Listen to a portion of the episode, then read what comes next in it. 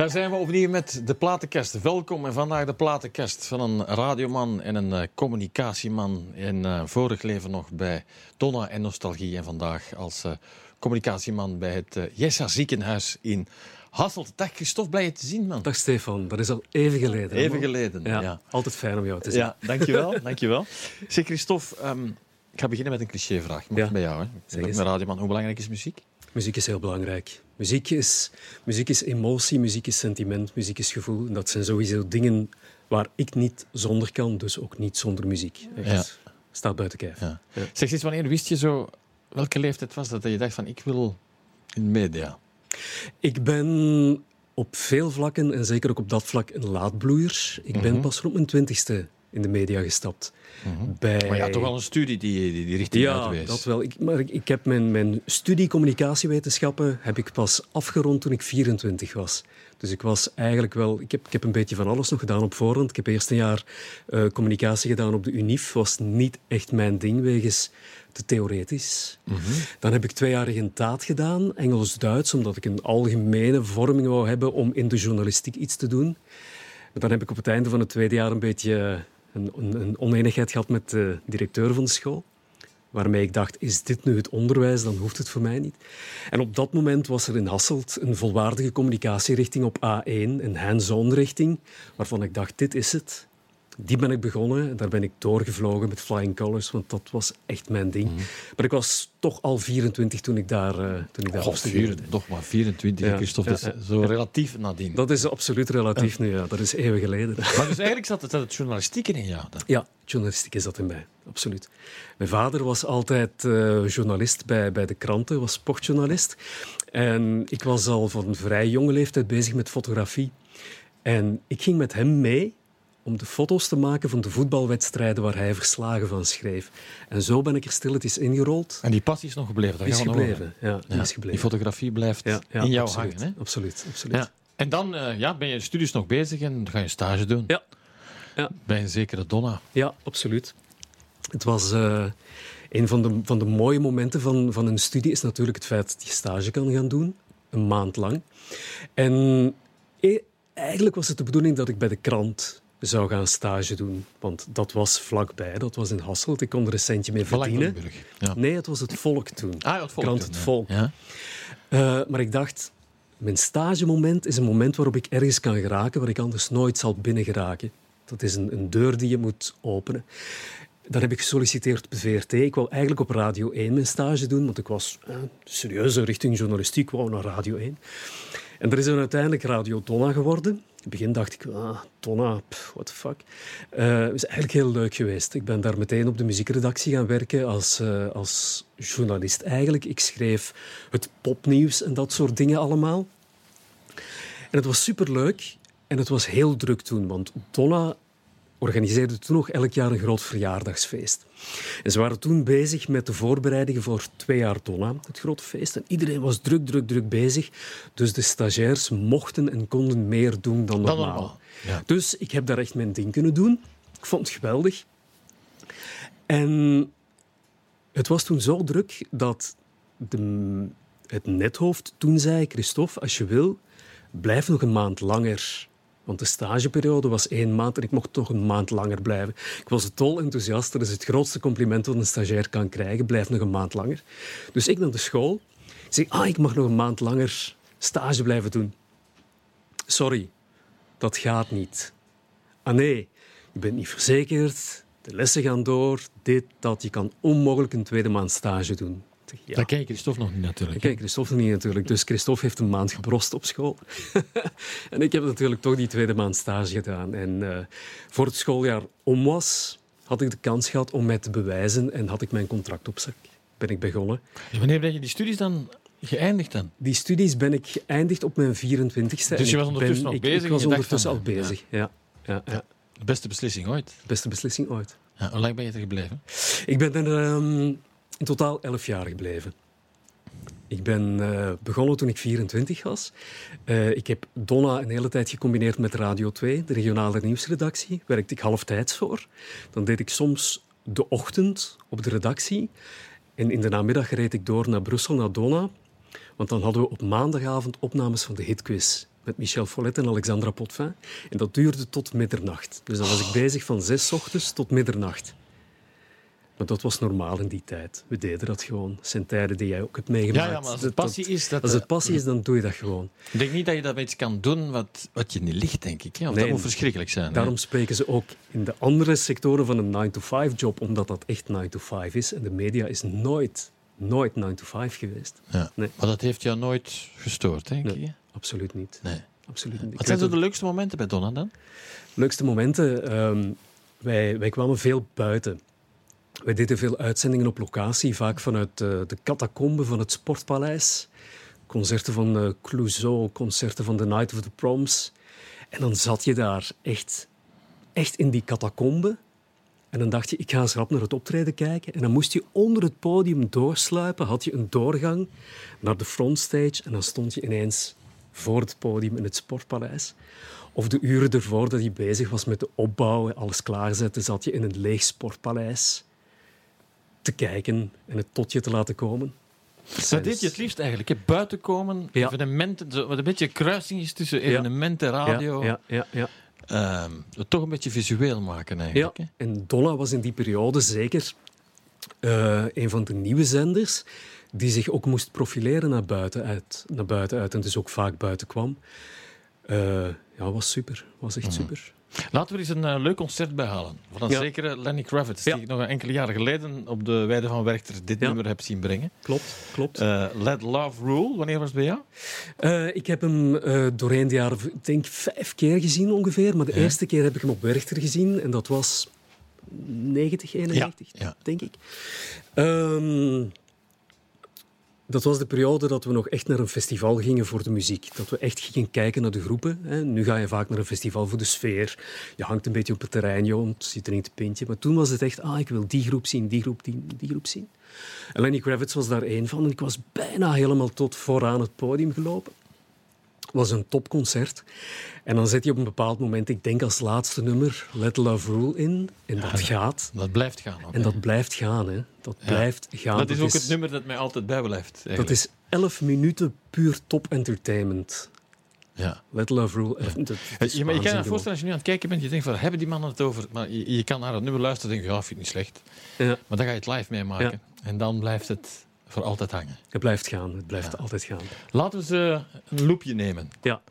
Toen op het podium in Werchter, of waar je hem ook live gezien hebt, dit nummer blijft bij. Let Love Rule, hier is Leonard Kravitz.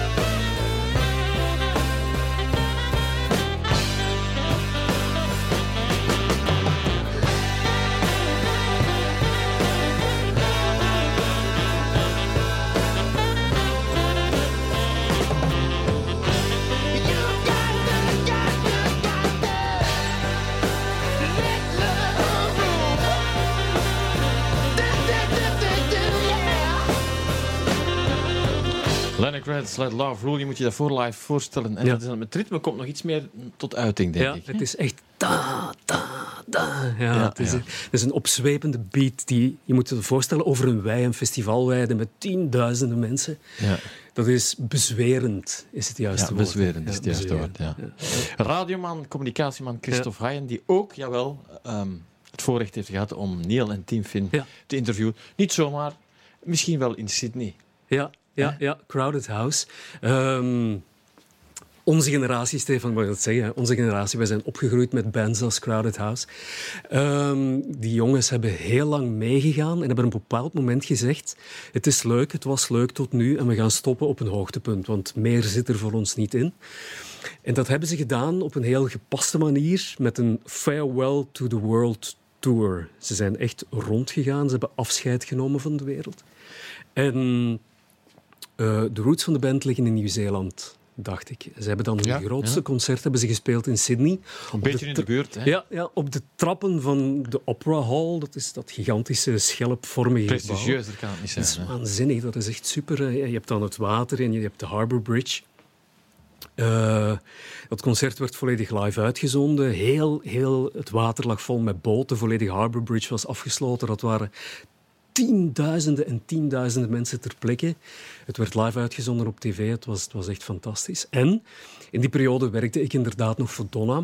En deden wij leuke acties. Eh, Platenfirma's deden leuke acties met ons. En wij mochten een luisteraar naar Sydney sturen om het concert van Crowded House mee te maken.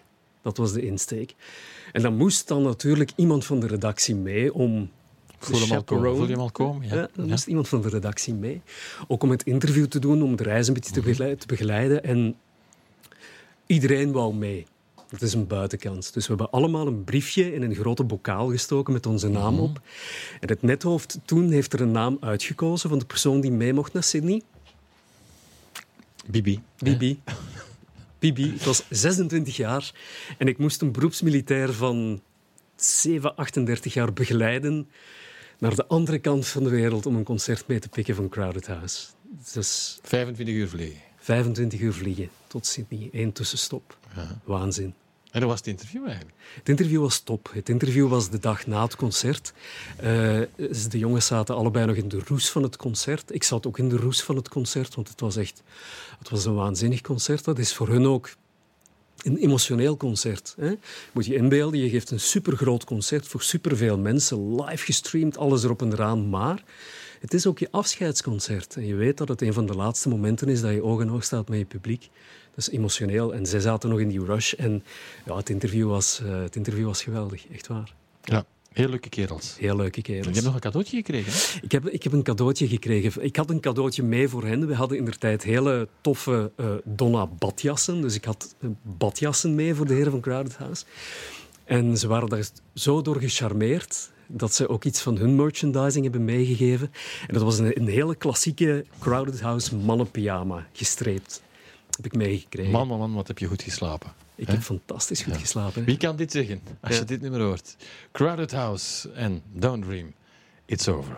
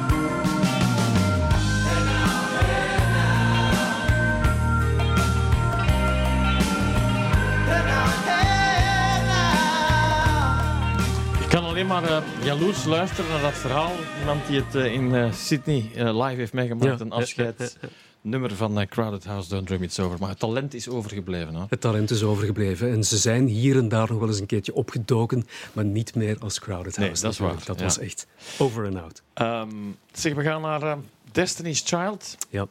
Independent Women. Ja, uh, ook weer zo'n verhaal, man. Ja, We zitten nergens nu in 9-11. Ja, toen je, toen je me vroeg om, om een lijstje met platen te, te selecteren, dacht ik, ja, dat is waanzinnig moeilijk, want platen zijn emoties. Vandaag zit je in een andere emotie als gisteren en morgen, dus ga je ook een ander lijstje met platen zo, ja. We kunnen duizend lijstjes maken. Dit, dit is niet, voor alle duidelijkheid, mijn lijstje met de beste platen ever. Ik heb gewoon gezocht naar een paar leuke verhalen en daar een nummer aan vast uh, gekoppeld. 9-11, je, zei het naast, uh, je zei het net. Um, platenfirma's hebben het altijd heel belangrijk gevonden om hun uh, artiesten te, te pushen bij de radiostations. Heel belangrijk te, natuurlijk. Te pluggen, te pluggen, zoals dat dan zo mooi heet. Um, kwamen ook altijd langs met de artiesten voor interviews om promo te doen. Uh, en toen was er 9-11, wat als een schok door de wereld ging. En waar artiesten ook op dat moment zeiden, zien wij echt niet zitten hoor, om de wereld af te reizen om promo te gaan doen. En dan heeft uh, Sony, een van de grootste platenmaatschappijen op dat moment, gezegd: Oké, als de artiesten niet naar de pers vliegen, dan vliegen we de pers naar de artiesten toe. En dan hebben ze een press junket, zoals dat zo mooi heette, georganiseerd. Press junket, ja. Een press junket.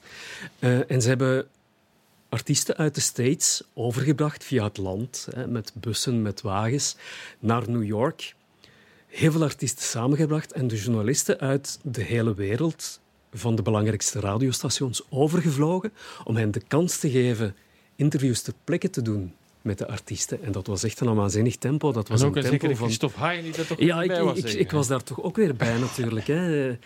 Dat is het voordeel. Je bent jong, je bent... Ik, ik, ik woonde bij mijn ouders. Uh, als ze mij s morgens zeiden, is jouw reispaspoort in orde? Want je moet morgen naar New York vliegen. Ja, natuurlijk is mijn reispaspoort in orde. En ik had geen vrouw en kinderen om verantwoording aan af te leggen. Dus ik was klaar om zo'n dingen te doen en ik deed dat gewoon. En dat is natuurlijk, als ik, als ik een beetje een boodschap mag meegeven aan jonge mensen die in de journalistiek iets willen betekenen, in de media iets willen betekenen. Je werkt niet van 9 to 5 en je bent vrij.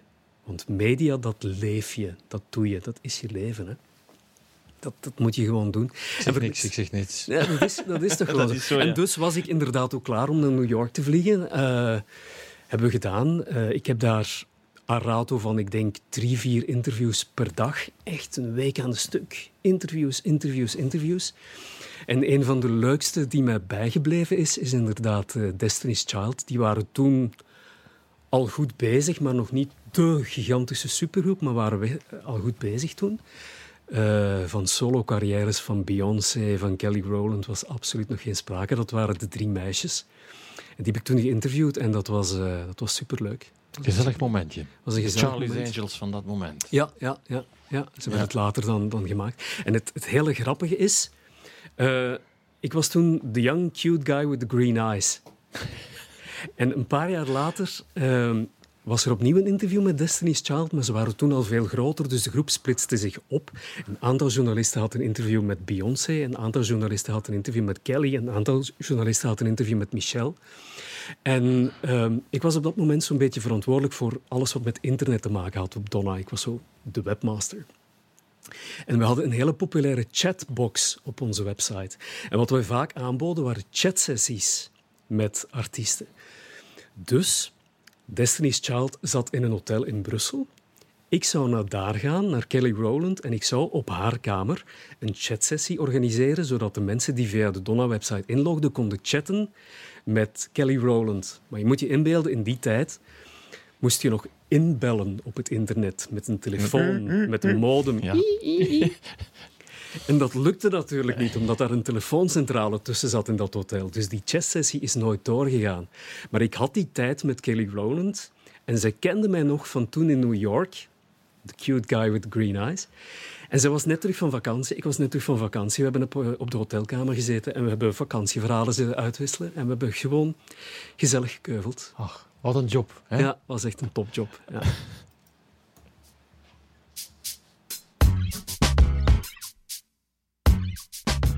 Lucy Lou, with my girl Drew.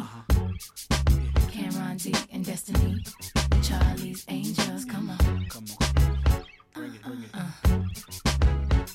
Question, tell me what you think about me. I buy my own diamonds and I buy my own rings. Only ring your celly when I'm feeling lonely. When it's all over, please get up and leave. Question, tell me how you feel about this. Try to control me, boy, you get dismissed. Pay my own condo and I pay my own bills. Always 50 50 in relationships. The shoes on my feet, I bought. The clothes I'm wearing,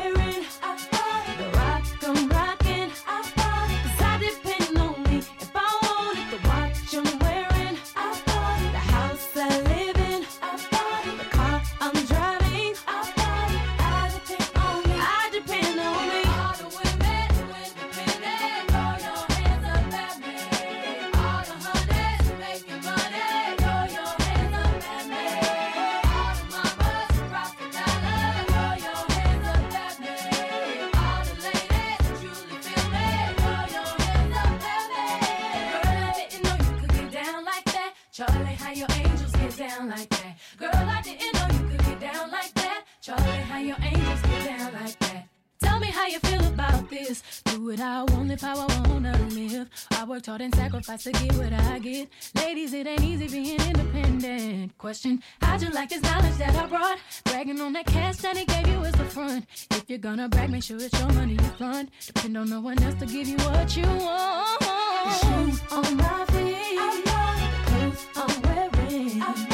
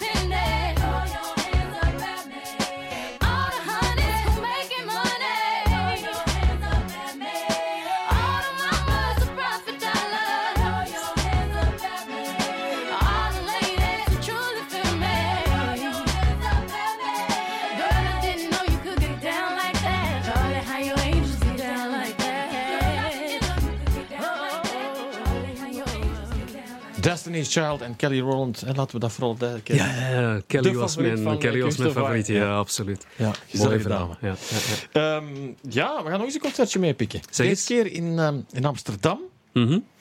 Met eh Brahim en Natalia. eh, en met Alicia Keys en Fallen, denk Ja, ik. ja, ja, ja. Hoe zat dat juist? Ik zei het net al, dat eh, de, de platenfirma's in die tijd heel veel hun artiesten plugden. Ze moesten Ja. ze bij de nu, zender vooral krijgen. duidelijkheid, Donna was heel belangrijk. Donna was heel- 30% We hadden een marktaandeel. van 30%. was ongezien in die tijd. Je had, je had Radio 2, je had Studio Brussel, je had Donna en, en dan had je het wel gehad ongeveer.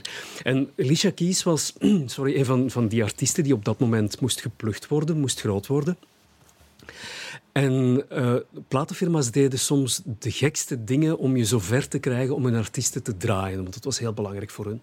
En Alicia Keys is, dat, dat weet je ook, Stefan, is enorm getalenteerd, is een muziekschrijfster, is eh, een zeer getalenteerd pianiste, zangeres, actrice, is, is gewoon Absoluut, ja. een topvrouw. En op een bepaald moment zeiden de jongens van de platenfirma: Wij willen aan jou bewijzen wat een topvrouw dat is. Jij komt vanavond met ons mee. We hebben een busje geregeld. We gaan naar Amsterdam rijden. In een kleine club is een concertje met Alicia Keys. Whatever. Oké. Dus ik stap het busje in. In het busje zat Natalia. In het busje zat Brahim. Wegens fan van Alicia Keys. En daar nog een paar, jongens van de plaatfirma bij. En wij gingen naar Amsterdam om naar het concert van Alicia Keys te kijken. Het was een klein clubje, 200 mensen, schat ik. Meer zou het niet geweest zijn. En in het midden van de zaal was, was een podium van nauwelijks een halve meter hoog, denk ik. En daar stond een vleugelpiano op. En op een bepaald moment zag ik het volk een beetje uit elkaar gaan. Mozes en de zegenwijs. En Alicia Keys kwam daar binnen. Ze zet zich aan de piano. Eh, good evening, folks. I'm Alicia Keys. Bla, bla, bla. Ze begint te spelen, Stefan. Onwaarschijnlijk. Een En- angel. Echt een angel. En dat was, ik stond hier en, en waar nu de tv-schermen hangen, daar zat Alicia Keys. Ik kon haar net niet aanraken. Het was een privéconcertje. Dat was zeer ingetogen en tegelijkertijd zo gebald en krachtig. Emotioneel ook. Ja, ja. We gaan er zo meteen nog eens naar luisteren, dus blijf vooral hangen. Na dit.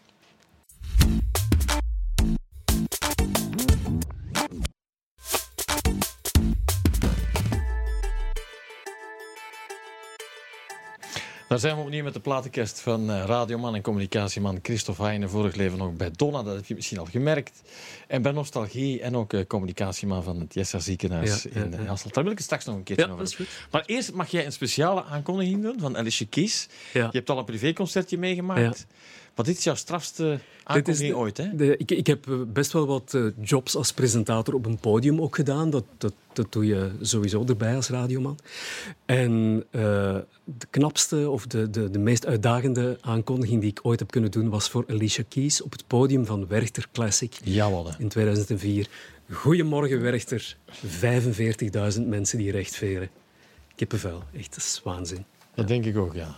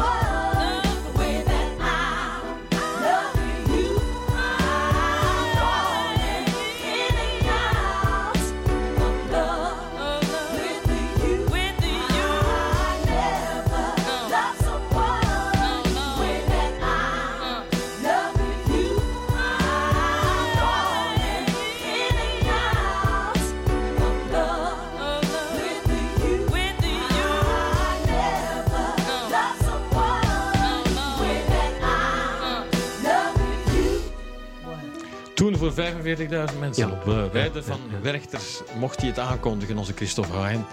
Hier Alicia Keys met, eh, met Falen. Ik zei het net tegen jou, het zijn een beetje R&B-nummers, maar dat is toevallig. Dat is toeval. Ja, ik ben eh, door de band genomen meer een, een rockmens. Maar toen je me vroeg om wat leuke nummers bij elkaar te zoeken, dacht ik, ik ga toch eens kijken naar platen waar een, een leuk verhaal Ja, achter dat zit. is al goed gelukt, joh. En dat, is ik echt denk, waar. het, Dat het is, was, eh, het was fijn om er ook nog eens over na te Ja, ja. denken, eigenlijk. Ja. Zeg, we gaan even naar Hasselt. Ja. Daar woon ik ook. Welke Klopt. betekenis heeft Hasselt voor jou? Hasselt is, is, mijn, is mijn geboortestad. Ik ben geboren en eh, getogen Hasselaar. Eh, ik vind Hasselt het, eh, het leukste dorp van, van Dorp België. noem je dat? Jij mag dat Ik vind, zeggen. Ja, ik vind dat Hasselt is een uit, uit de kluiten gewassen dorp in die zin. Ik, ik bedoel dat zeer, zeer positief. Hè. Ehm, als je echte steden hebt als Antwerpen, als Brussel, als Gent, daar loop je vaak een beetje verloren in de grootheid van de stad. Hasselt is doen, ook een stad, maar is altijd gezellig gebleven. Vandaar dat ik het een beetje een dorp noem. En ik blijf daar graag rondlopen. Ja. En in dat dorp is er ook een, eh, een ziekenhuis. Ja, ja, ja. Uh, Jessa ziekenhuis vroeger. Jij bent begonnen als Virga Jesse, Ja, denk ik. hè? toen ik begon was dat het Virga Jesse ziekenhuis. We zijn dan na x aantal jaar gefuseerd met het Salvator Sint Ursula ziekenhuis, wat ook al een fusie was.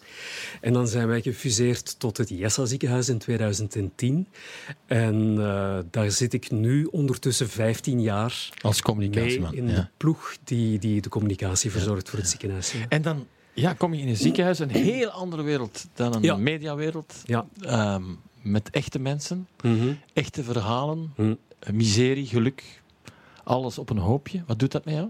Dat doet, dat doet veel met een mens. Ehm, in die zin dat ik daarvoor in de media zat, wat een hele leuke, fijne wereld is, waar alles kan, alles mag, waar iedereen elkaar kent, tot op een bepaald niveau. En dan wordt de bubbel doorprikt. En dan besef je van, mm, het is maar media, het is maar entertainment. En toen ik voor het ziekenhuis ben beginnen werken, ben ik echt met mensen beginnen werken. En zeker in een communicatiesector is het heel leuk, omdat je vaak eenzelfde boodschap moet communiceren. Aan één kant zowel naar de technische ploeg als naar het poetspersoneel. En langs de andere kant de chirurg die 15 jaar gestudeerd heeft voor zijn job. Dat is een heel uiteenlopend profiel aan mensen die je moet bereiken met je communicatie. En als communicatie-expert, laat het ons zo noemen, is dat een hele uitdaging. En is dat geweldig interessant om te doen natuurlijk. Hè. En ook die echte mensen, heeft dat van Ja. jou vaak geraakt? Eh, hoe ga je Dat daarmee? heeft, mij, dat heeft mij geraakt. Ik, ben, eh, ik heb een beetje het geluk gehad om binnen de communicatiedienst het eh, fotografieluik te kunnen Daar komt die liefde boven, hè? Ja, grote liefde, want wij communiceren enorm visueel. Eh, veel brochures, website, eh, social media. We hebben er altijd oprecht voor gekozen om met onze eigen mensen te werken. Veel ziekenhuizen vinden het moeilijk om met eigen mensen te werken en gebruiken daarom stokfoto's uit Amerikaanse fotodatabanken. Maar je ziet meteen van dat is een Amerikaanse dokter, dat is een Amerikaanse patiënt, dat is niet echt. We hebben altijd met onze eigen artsen gewerkt, met onze eigen verpleegkundigen, met onze eigen patiënten. En dan leer je die mensen ook allemaal een beetje kennen natuurlijk. En in hun eigen zwakheid of moment van glorie te fotograferen, is super gewoon. Hè? Dat is echt super. Je hebt ook al die operaties eh, Ja. vaak meegemaakt. Ja, ja, ja, ja. Dus eigenlijk heb je een voortdurende aflevering van topdokters bij jou. Eigenlijk wel, ja. Eigenlijk wel. Ja, is En, is dat in het begin moeilijk? Ik herinner me de allereerste opdracht die ik, die ik kreeg. Eh, ik was toen pas begonnen en ik was de fotograaf van de dienst. En ik zat te lunchen in het personeelsrestaurant. En ik kreeg een telefoontje van een van de verpleegkundigen van de spoedafdeling. Ja, kan je even langskomen? Je zou een duim moeten fotograferen. Ja, Voor hem komen, ja. whatever. Een duim fotograferen. Dus ik kom binnen op de spoedafdeling. En je ziet die duim liggen. En, en, ah ja, je komt voor de duim. Ik zeg ja, kom voor de duim. Eh, Ik had net gedaan met eten, kom voor de duim. En ik ging in, in, in één spoedbox binnen en daar stond een brancard en daar lag een duim op. Met, met de pezen en de spieren er nog aan. En wat, wat was er gebeurd? Eh, dat was een bouwvakker en hij had een, een ongeval gehad op de werf met een, een, ja, een soort van slijpmachine. En die duim was er dus niet afgezaagd, maar was er En daardoor was dat een... Dat was heel belangrijk voor de verzekering om die beelden te hebben. Dus ik moest die duim fotograferen, Zoals die was. zoals hij was. En oh ja, de eigenaar van de duim ligt aan de andere kant van de gang. Kan je hem ook fotograferen? En zo is het eigenlijk begonnen voor mij in het ziekenhuis. Maar voor de rest heb ik ook fantastische andere jobs Maar je hebt het wel gedaan. Ik heb het wel gedaan. En wel moeten ja, slikken absoluut. natuurlijk. Ja. Dus even slikken, maar ja, je focust op, op hetgeen waar je mee bezig bent. Hè. Zoals de dokter. Zoals de dokter. Had je niet graag dokter geweest? Nee. nee. Ik heb niks dan respect voor die mensen. Echt niks dan respect. Maar ik, ik moest... ehm, Deze week toevallig nog een arts fotograferen voor een van onze magazines. Ik had tegen hem gezegd, want hij had een, een, een druk operatieschedule. Ik zei, ik ben in de fotostudio van 10 uur tot 18 uur. Spring maar binnen tussen operatie wanneer je kan.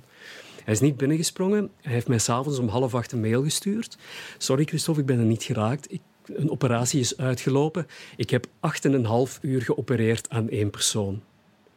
Dan denk ik, wauw. En dan voel ik mij zo groot. Dus nee, ik had nooit dokter willen worden. Ik had nooit chirurg willen worden. ver, Ik heb, ja. ik heb te veel respect voor die mensen. Elk zijn ding. Laat me We gaan er ook in jou eh, wakker Ja, maken. graag. Want ja, de Rolling Stones... Maar die heb je toch nog niet geïnterviewd? Die heb ik niet geïnterviewd. Het is altijd mijn grote droom geweest, want ik vind de Rolling Stones de best fucking band ever in the world. Het is gewoon de beste band ever. Eh, en de grote droom was dan natuurlijk, omdat ik veel mensen heb kunnen interviewen, om ooit Mick Jagger te kunnen interviewen. Eh, is nooit gelukt, maar dat vind ik ook niet erg. Je moet altijd zo één heilige graal hebben waar je nooit naartoe bent geraakt. Bij mij is Dus- dat Bono. Dus Ja, Bono, kunnen we eens ja. een clubje organiseren. We kunnen eens een clubje organiseren. Vier ja. uurtje of zo. Ja, ja, ja. En voor mij was dat Mick Jagger.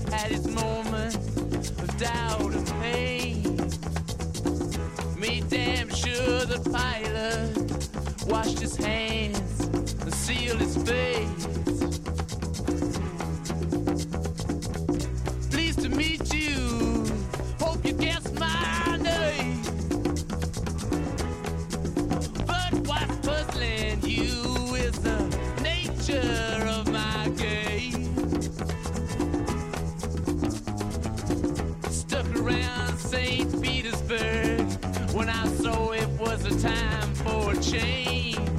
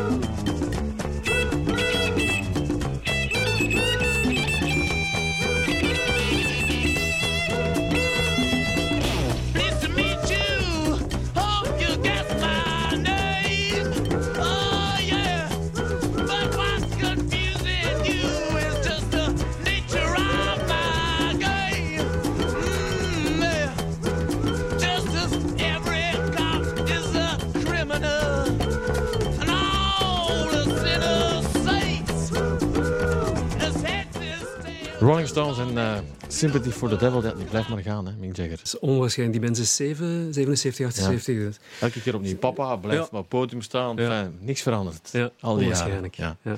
Zeg, we hadden het net, ja, ik vond het heel interessant hoor, over het, het Jessa ziekenhuis, waar je in de communicatiedienst zit, Ja.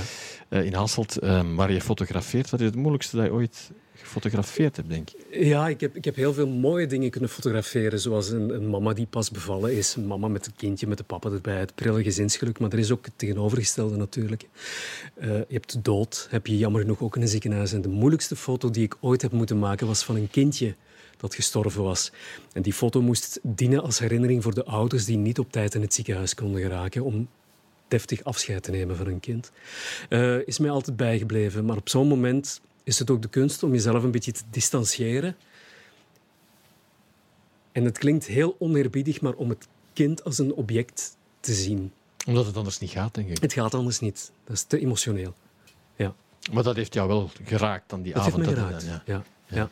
Maar gelukkig was er dan weer vrij snel een andere fotoopdracht binnen het ziekenhuis en ben je weer met iets anders bezig. Ja. En, eh, Zo gaat het ook in het leven van de dokters, denk ik. hè. Ja, ja, ja. Je moet af en toe een mopje kunnen vertellen, want anders... eh, Anders haal je het niet, hè. Anders haal je het niet. Ja. Nee. Zeg, we gaan naar Spanje. Ja. Dat is jouw tweede thuis. Dat is mijn tweede thuis. Hoe Ja, komt het? Dat is mijn tweede thuis. Eh, mijn ouders zijn eh, op relatief jonge leeftijd met pensioen gegaan. En ze zeiden me op een dag, completely out of the blue, zoon, we gaan verhuizen. Mijn ouders hebben altijd een appartementje gehad aan de Belgische kust, waar ze altijd naartoe gingen. En ineens zeiden ze, we gaan een huis bouwen in Spanje. Oké, mama en papa, doe maar. Eh, zij wonen daar ondertussen 17 jaar en ze wonen er echt. Het is niet dat ze er gaan overwinteren of zo, ze wonen er echt 17 jaar. Eh, ik ga er ook al 17 jaar op vakantie dan, natuurlijk. Ik probeer twee keer per jaar naar daar te gaan. Soms is een keertje drie keer. Nu met corona is het iets minder evident, natuurlijk. En daardoor is dat, ja, dat is mijn tweede thuis geworden. Hè. Ja. En hebben ze er spijt van? Nee, geen minuut. Geen minuut. Het klimaat is zo goed. Je merkt ook dat ze op een gezondere manier ouder worden. hè. Ze zeggen altijd dat het klimaat ook goed is voor je knoken, voor je botten, voor je systeem. Dat is ook zo. Ons papa is, is, is, is Mick Jagger qua leeftijd.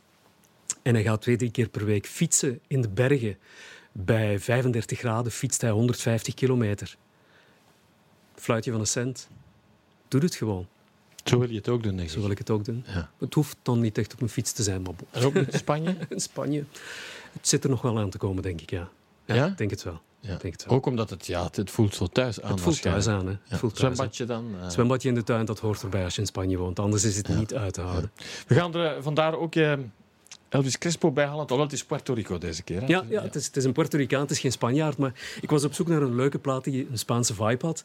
Eh, een plaat die ik ook wel geregeld gespeeld heb toen ik destijds in de Donna-periode de Donna-dansfolies draaide, de Fuiven, de hitclubparties.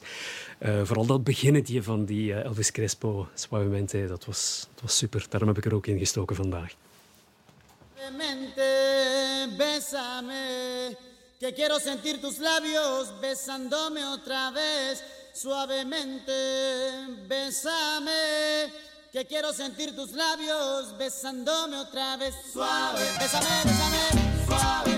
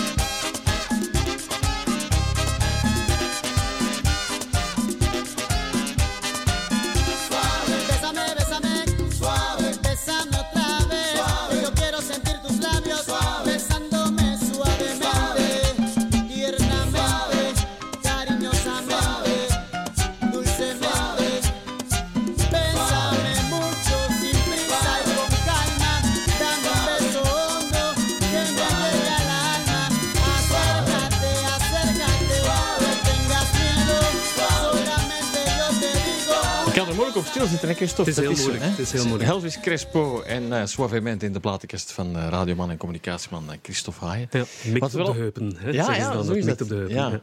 En dan tijdens die vele vuiven die jij gedaan Ja, hebt, ja. eh, dansverlies.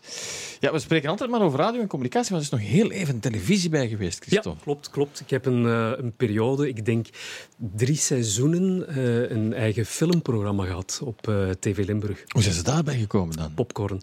Ehm, dat is een goede vraag, dat ik het zelf niet meer weet. Ik vond, ik vond, ineens kwam de vraag, we, we gaan in Hasselt bij TV Limburg een filmprogramma doen en we zoeken een Hasselaar of een Limburger, breed genomen. In die periode was het nog zo dat als je voor een regionale zender werkte, Moest je dan daar komen? dat je van die provincie kwam ook. En eh, daar waren screentestings eh, om een presentator te zoeken. En ik heb die screentest gedaan. Ik dacht, lijkt mij wel leuk. En eh, ja, it was me. Ik- Ja. Het was echt Geen super. grote verrassing overal, hè? Ja, ja, Ja. grote verrassing. Het was echt superleuk. We hadden in die periode, het programma was opgesplitst eigenlijk in twee delen. We hadden het stukje over de films die in de bioscoop draaiden. Werd gesponsord door Kinepolis. En die opnames deden we ook in Kinepolis. We kenden ondertussen alle hoekjes en kantjes van de Kinepolis in Hasselt. En dan had je in die periode de films die uitkwamen op DVD. Dat was al een vooruitgang, want ervoor was het op VHS, maar toen was het op DVD. Tegenwoordig is dat er niet meer. En die eh, presentatieblokken namen we op in de toenmalige videotheek Circle in Hasselt, want dat was gewoon één grote filmset. Dat was echt superleuk. En in die periode zijn wij ook elk jaar, dus drie keer, naar het eh, filmfestival in Cannes geweest. Want wij hadden als filmprogramma best wel een goede uitstraling, een goede reputatie.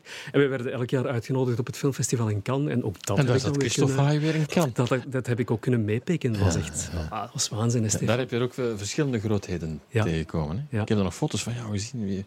Ongelooflijk, man. Dat is wie je allemaal ik, staat. ik, ik herinner mij ooit, en dat was het, het meest schaamtelijke wat ik ooit heb moeten toegeven. Ik, ik stond in een rij te wachten en er kwamen een aantal acteurs. En, ah, Will Smith, Will Smith, foto's maken van Will Smith. En wie stond er naast Will Smith en had ik niet gezien?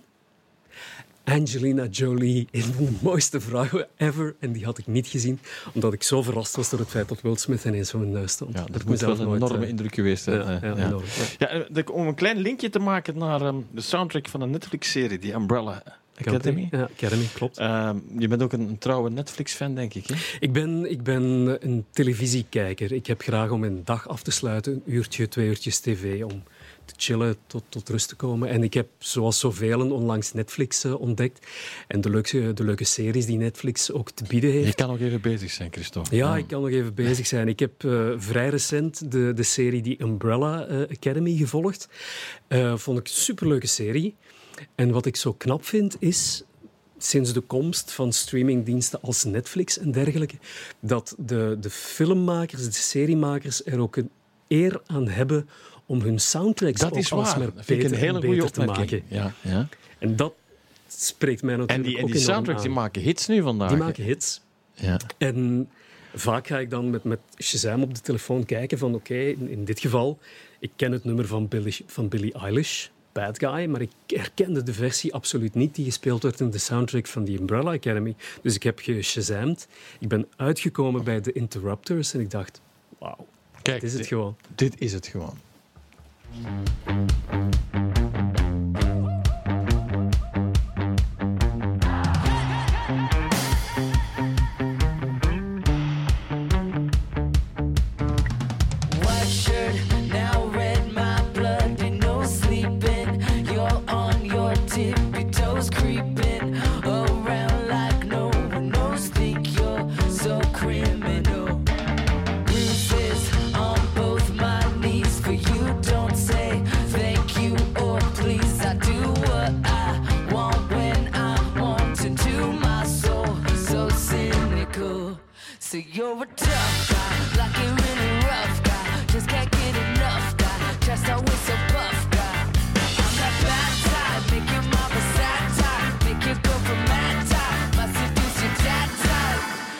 The bad guy. Duh.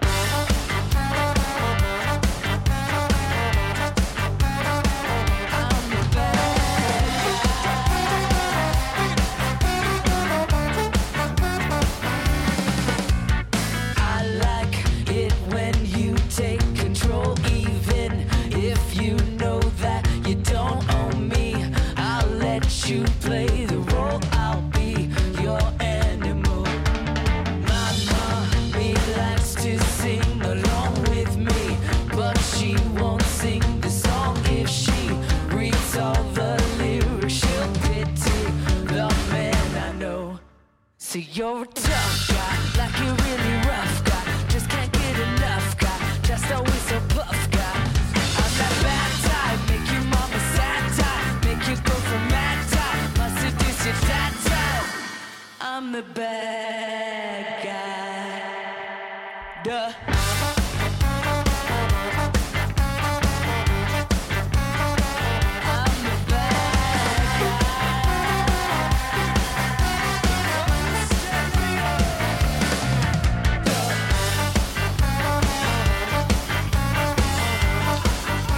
aanstekelijke versie, moet ik dat is een pittige versie. Hè? Ja, Billie Eilish was al aanstekelijk, maar Ja, dit, die, was, eh, die, die is heel lijzig en dit is echt... Ja. Het is poppy. hou die passie.